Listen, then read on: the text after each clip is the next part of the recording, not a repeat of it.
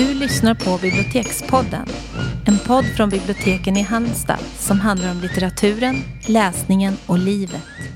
Det som pratar heter Elisabeth Skog och Jeanette Malm. Hej Elisabeth, kul att se dig. Detsamma, detsamma Jeanette. Ja. Mm. Eh, idag ska vi prata om mörka hemligheter som mm. avslöjas när man minst anar det ja. och får ganska förödande konsekvenser. Eh, finns det jättemycket. Absolut. När man börjar tänka efter. Mm.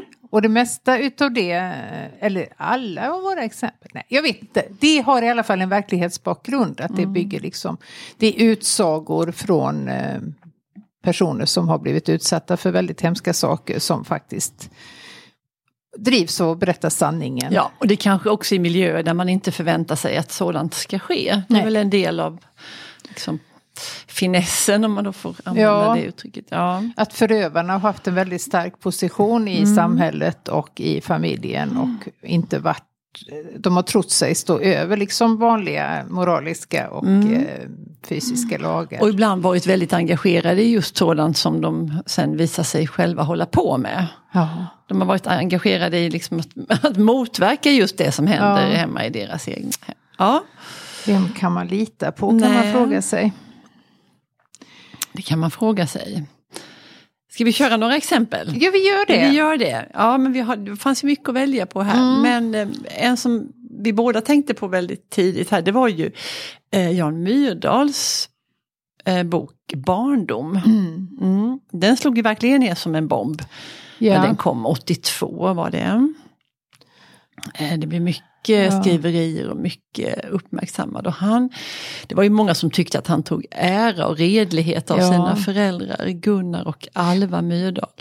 Han var väl också nästan först med det där, liksom, man, man gjorde inte så Nej. tyckte väl många. att det där får ni hålla för er själva. Ja. Det var inte så att om man misstrodde liksom vad han sa utan var väl att han Nej, varför skulle han säga det? det? Ja, Skulle det vara bra och de var för? gamla då, hans Just föräldrar. Det var många som tog illa vid sig. Åh, de stackars gamla föräldrarna. Ja. Men det var väl, ja, det kan vi ju inte veta, men det, det, man förmodar att det ändå var nödvändigt för honom. Och, ja. och kanske just för att de, de hade ju stått liksom som symboler för, för mycket, men en del mm. av det var ju det här med, med liksom familjen och mm. uh, Sådär, men... De var ju otroligt, alltså både då Gunnar och Alva Myrdal var ju extrema, alltså de var ju superkändisar. Burna och, och kända. Ja. Fredspriset tilldelas de väl till och med va? Oh, det vet jag inte. Jag men det kan det. tänkas. Ja. ja. Och fredligt gick det ju inte till där hemma. Eh, nej men han, han, det beskrivs ju där hur han sina första år växte upp hos farmor och farfar. Mm. Eh, och hade han bara fått fortsätta med det så hade nog allt varit frid och fröjd. För där mm. trivdes han. Mm. Och kände att han var omtyckt och älskad och omhuldad och allt det där som barn mm. ska få lov att vara. Men mm. det tog ju slut när föräldrarna då sen hade möjlighet att, att ta hand om honom. Och, och sen dog eh, Jan Myrdals farfar och så såldes det här hemmet, det som han kallar för sitt barndomshem. Mm. Um, och boken går liksom ut på att han anklagar sina föräldrar för att de aldrig har älskat honom och inte velat ha honom eller ha med honom att göra egentligen. Mm. Att, um, och att hans Syskon har ju gett helt andra beskrivningar. De har ju gjort det, så därför är det ju jättesvårt. Och jag tänker alltid så här att här finns det ju inget som är sant. Man nej, kan inte säga att det ena är mer sant än det andra. Utan var och en har ju sin bild och hans bild är ju lika sann som de som motsäger ja. dig. Sen, den, deras bild. Um, och det kan ju, jag tror ju att det kan ha en väldigt stark terapeutisk effekt att faktiskt få göra sin stämma hörd. Ja. Och, ja.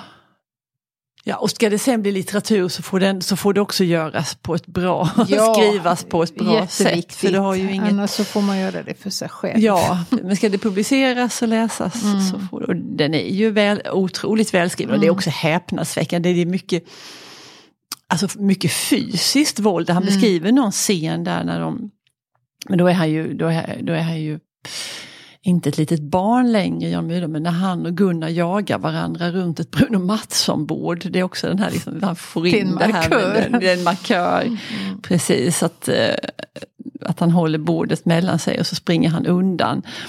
Eh, och till slut så, så, stannar då, han är kanske i tonåren då, Jan Myrdal, och, och eh, skriker till sin pappa ett steg till gubbjävel och jag slår in skallen på dig. Oj. Och att det liksom blev en vändpunkt eh, mm. ändå, i alla fall för honom. Um, och att, att han förstår att jag måste därifrån. Mm. Mm. Det var faktiskt en lång artikel i tidningen Vi som, som, som Jan Myrdal, de hade någon serie där om, om uppväxt, författares uppväxt. Där, där, där. Okay. Mm. Och där, det var så han började skriva den här boken, läste jag på här nu inför det här. Att en lång artikel där som kom flera år innan boken. Men han det han blev tillfrågad alltså? Ja, ja. Mm, föga anade de nej, vad de, nej, vad de satte igång. Någonting då såklart. Mm. Mm. Ja. Ja.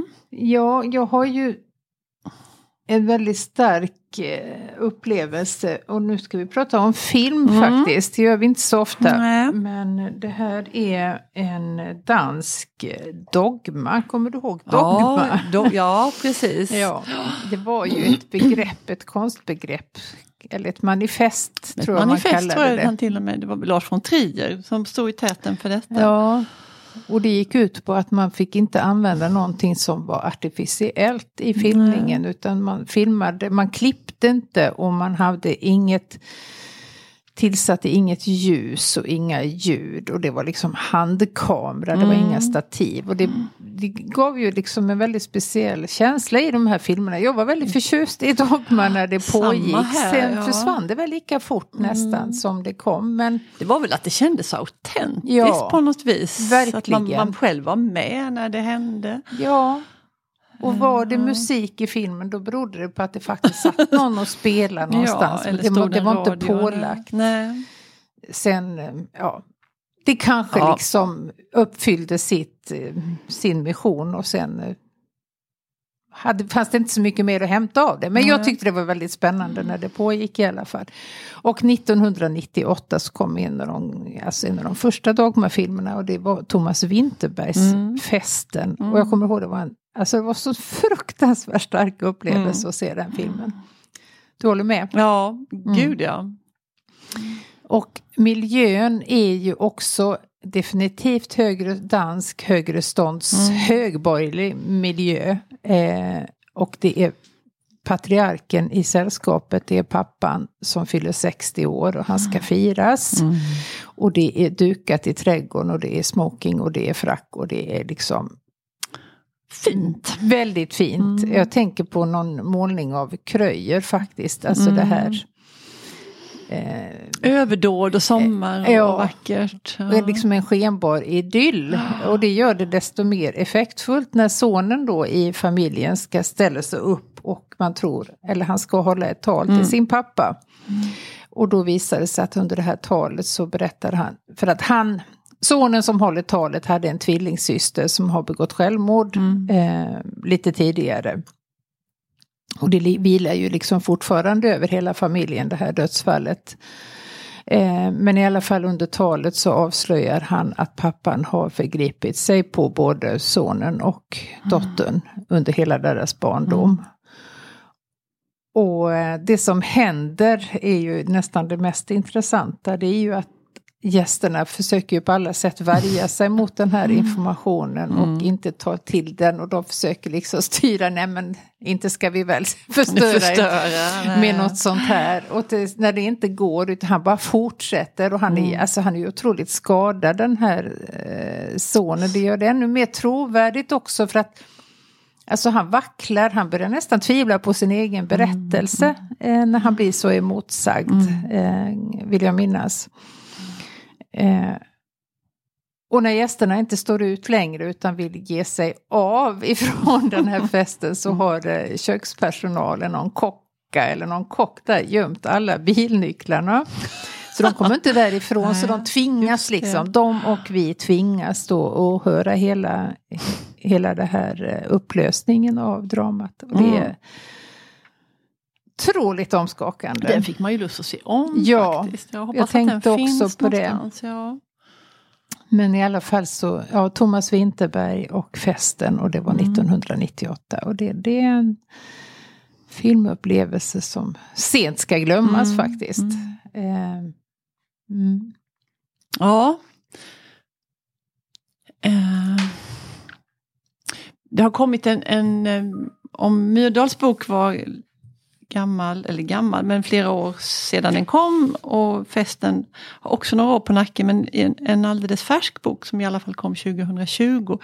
Det är Kristina Herrströms bok eh, Ödeläggaren. Mm. Eh, Väldigt att, glad att du tog med den ja, faktiskt. Eh, vi har inte läst den men vi läste en lång artikel om den ja. och blev väldigt eh, skakade och upprörda och förbannade och allt. Eh, det är ju en självbiografisk liksom, redogörelse för, och ödeläggaren i det här fallet, det är en person som kommer i hennes väg. Eh, hon träffar honom första gången i en kyrka. Mm. Um, nu minns jag inte riktigt vad som hade hänt men, men hon, hon var lite i en utsatt position, hade det lite jobbigt. Mm. Och det är ju mm. ofta i sådana här lägen man är som, när man är sårbar som mm. vissa personer kan. De har näsa för det. Ha, precis, väldigt obehaglig mm. förmåga det där att kunna. Mm. Sen dröjer det ganska länge innan han dyker upp i hennes liv igen men, men själva eh, det som händer är ju att han, att han lurar henne både emotionellt och ekonomiskt och på alla andra sätt däremellan man kan tänka sig. Mm. Um, men, men, inte minst um, så um, förmår han ju henne att uh, överföra stora mängder pengar. Ja. Jättehöga summor. Hon tar väl lån också för hon ja, hade ju inte nej, de här nej, pengarna. Det har hon inte. Hon tar lån och hon lånar av både sin familj och banklån och allt. Um, ja, och, hur um, jag tänkte säga det att, att det är så, och hon är ju en, en, liksom en känd och uppburen person. Mm. Uh, och det, det är något väldigt jag tycker Författare det är så, och mm, Hon har gjort mycket manus, skrivit mycket manus ja, för tv-produktioner. Uh, men en del barn och ungdomsböcker ja, tror hon har skrivit ja, också. Precis. Glapp, Glappet ja, var väl den var som, hon. som hon liksom fick sitt genomslag med men har också mm. gjort mycket annat.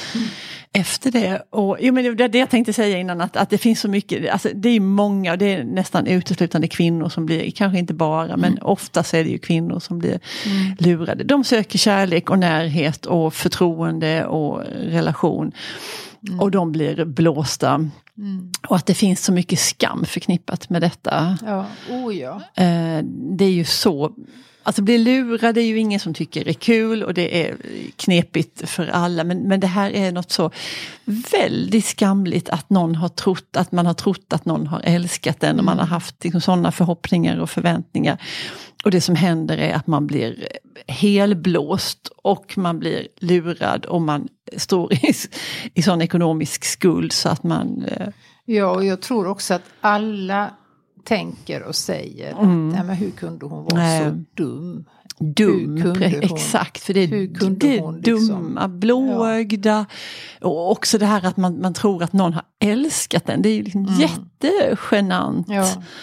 Uh, nej men jag tror då att, eh, alltså hon är ju det här är ju en, liksom en medveten kvinna. En, en, mm. det är mm. inget, hon är ju inget Nej. lätt offer. Nej. Och om hon kan Nej. luras så kan nog faktiskt de flesta göra ja. det. För att de, det här sker ju inte första veckan att han nej, ber om pengar nej, utan nej. han nästlar sig ju mm. verkligen in i hennes liv mm. och vet exakt liksom vilka knappar han ska trycka ja. på och hur han ska. Och det, mm. jag tror också att det var en del hot och våld inblandat mm. också va? Mm. Jo, det var det ju eh, efterhand. Efterhand. Ja. Så att det är både rädsla och eh, på något sätt Alltså, Ja, och också ett sätt att få det hela att låta väldigt trovärdigt. Mm. Att jag, jag, ska få pengar sen och just nu är mina tillgångar låsta där och där ja. för att det här och det här. Eh, som gör att man inte alls, att det är lätt att hamna i det här mm. och att många kan göra det. Och jag tycker det är så otroligt sympatiskt att, att en sån som Kristina Herrström berättar om det här och ja. kliver fram och säger det här, så här hände mig och nu mm. lever hon ju väldigt i någon hyreslägenhet och har skulder. Mm. Kanske resten av sitt liv. Ja.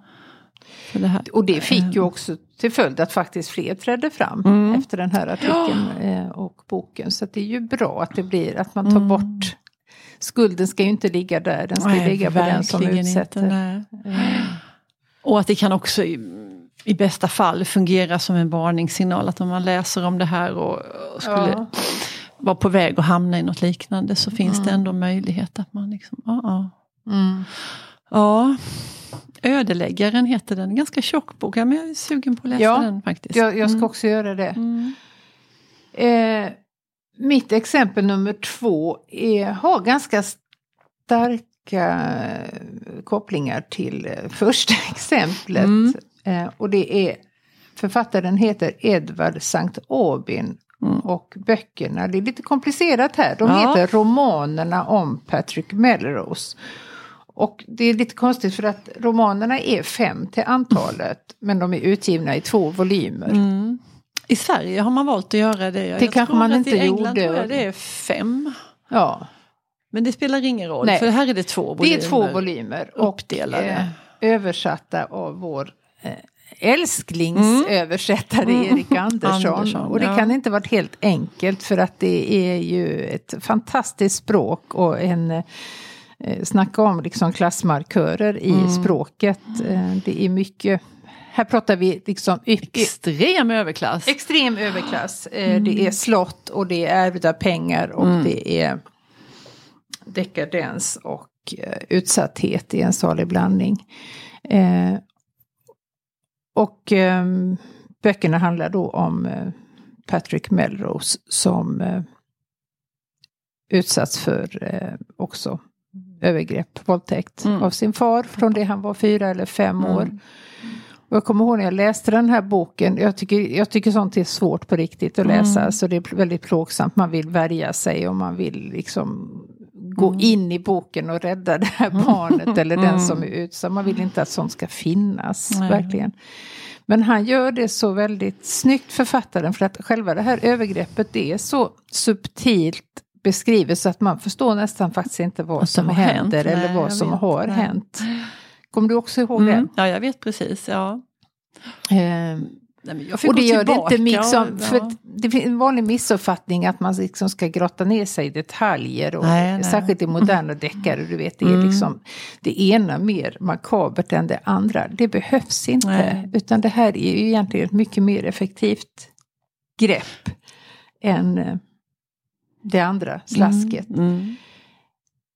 Och de här böckerna när de gavs ut i England blev väl liksom ganska framgångsrika. Eh, men inte, gjorde inget större väsen av sig. Eh, men så var det en intervju flera år senare där mm. eh, han fick frågan, författaren fick frågan att är det här självbiografiskt? Ja, svarade han då. Mm. Och då tog det hus mm. i, ja. Mm. Och det var ingen som hade frågat det. Eh, och man får ju följa böckerna från det han var barn tills han är, tills pappan dör. Mm. Och han, eh, och även lite senare, för han går ju in i ett intensivt drogmissbruk ja. som beskrivs på ett, alltså aldrig läst med en sån frenesi Nej. och sån liksom insatt i hur han beskriver det här, hur han går tillväga och liksom vilka preparat som uppväger de andra. Och, alltså det, är, ja, nej, det är makalöst. Jätteplågsamt också. Mm. Men så otroligt skickligt gjort. Alltså jag älskade verkligen de böckerna. Alltså det var ja. ju fantastiskt. Man ville ju verkligen aldrig att de skulle ta slut. Nej, och jag försöker pracka dem på folk. Mm. Men det, ibland är det faktiskt lite svårt. Ja. Jag vet inte varför. De ser de kanske ju, inte jätte... Nej, så är de är väldigt fruktansvärt magstarka. Och det är också en, ja. en jätte... Alltså beskrivningen av föräldrarnas relation. Hur pappan behandlar mamman. Ja. Den är ju inte heller... Och, tänk när han ska ha henne att hon ska ligga på alla fyra och käka upp de där mm frukterna, fikon mm. är det som har ramlat ner på deras stenlagda slottsveranda där. Och det är inför gäster. Ja. Eh, hon säger något förfluget ord mm. om de där fikonen. Och, mm. ja, ja. Och där har vi också paralleller då till festen att folk mm. liksom ser men ingriper inte. Nej. Eh. Um, och sen hans ständiga längtan liksom efter mamman som är helt... Eh, mm. Eh, alltså hon är ju också ett offer för maken. Och ja, fullkomligt vettskrämd och ja. alkoholiserad. Då. Det är ju hennes flykt. Mm. Men hon, det gör ju också att hon är oförmögen liksom att skydda Nej, det kan barnet inte. Patrick. Det, det, det gjordes också, var det en Netflix-serie? Ja. Eh, som jag riktigt bra. Mm. För det var man också orolig för, det var vi ju. Mm. att hur ska det här bli nu då när något som man har haft sån stark litterär upplevelse mm. av att det skulle Men man ska inte tro att det går att ersätta läsupplevelsen med filmen. Nej, man kan komplettera. att man först, ja, läser läs, och sen, sen kan man titta. Men den är, det är väl han, Benedikt ja, Cumber, ja, uh, Cumberland sås. Ja, han är ju som klippt och skuren. Verkligen. För den rollen. Men du, vi har några böcker till Jeanette som vi inte har skrivit upp på vår tavla men som vi ändå ska mm. nämna tycker jag. Ja. Och då tycker jag att vi ska nämna um, fransyskan Springora säger vi på svenska. Ja, det gör vi. ja. Um, Samtycke. Samtycket heter den, för det var ju också en bomb som mm. slog ner. Mm. Eh, när hon beskriver hur hon som i nedre tonåren ja. blir älskarinna åt en Alltså det här är ju, han lever fortfarande och han har mm. skrivit mm. böcker och eh, hennes mamma jobbar i förlagsbranschen och ja. de eh, träffas på någon middag.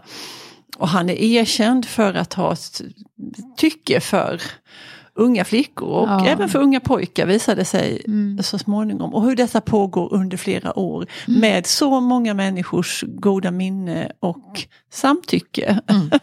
Exakt. um, fruktansvärd bok. Det som ehm. gör det lite komplicerat där det är ju att hon är väldigt förälskad i mannen. Mm. Visst. Eh, och då, för det är väl något mm. som de på något sätt, eller mamman försvarar sig med det. Ja. Men det har ju ingen som helst betydelse utan Inte han är ju lika mycket förövare för det. Mm. Mm. Verkligen, och, och, precis det där du sa nu, det tycker jag hon förklarar så himla bra i boken. Ja. Att det är liksom inget, det försvarar ingenting.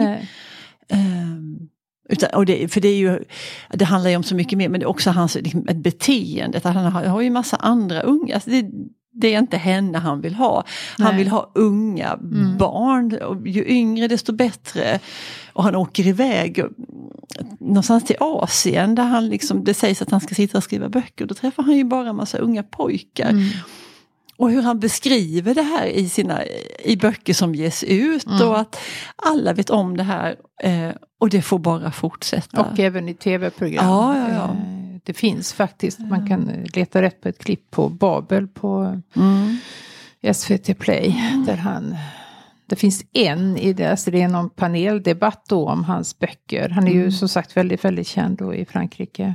Eh, där det är en kvinna i den här eh, panelen som ifrågasätter det han just mm. säger. Mm. Och eh, gissa då vem agget mm. vänds emot. Ja, gissa vem. Den kanadensisk författare har jag för mig. Ja, jag Som, kommer inte ihåg nej. det. Hon reagerar jättestarkt och får liksom hon fick nästan till gå under jorden efteråt. För att det är hon, hon som ifrågasätts. Ja. Um, det är otroligt märkligt. Att, det beror helt och hållet på vem som gör vad. Inte oh, vad de gör utan nej, vem det är. Vem som säger det och vem som gör det. Mm. Du, det har kommit en, en, en, fransk bok till som, som är som en systerbok till den här, en annan. Läste du om den? Den ja. heter um, La Familia Grand. La Just Famille Grand. Eh, där hon anklagar en kvinna som heter Camille Kushner, Kushner Eh, den är alldeles ny och hennes styvfar är ju ett toppnamn både inom fransk mm. intelligensia och politik. I Frankrike hänger det ofta ihop. Mm. Eh, ja. Eh, att han har förgripit sig sexuellt på hennes tvillingbror. Mm. Så det, jag, jag tänkte när du pratade om festen, för där finns ju flera Mm. kopplingar till det här, det här otroligt uppburna. Eh, han har varit hälsominister och utrikesminister och han har varit grundare till Läkare utan gränser. Ja. Eh, en oantastlig person. Mm, Sannerligen. Men eh, nu så händer det saker där. Ja. Ja men den ser jag också fram emot. Mm. Jag vet inte om den ens, är översatt till svenska än. nej det tror jag inte, jag tror den nej, är helt den är ny i Frankrike. I Frankrike. Ja. Men den lär ju komma. Ja, det var en hel hop med avslöjanden i litterär och cineastisk form.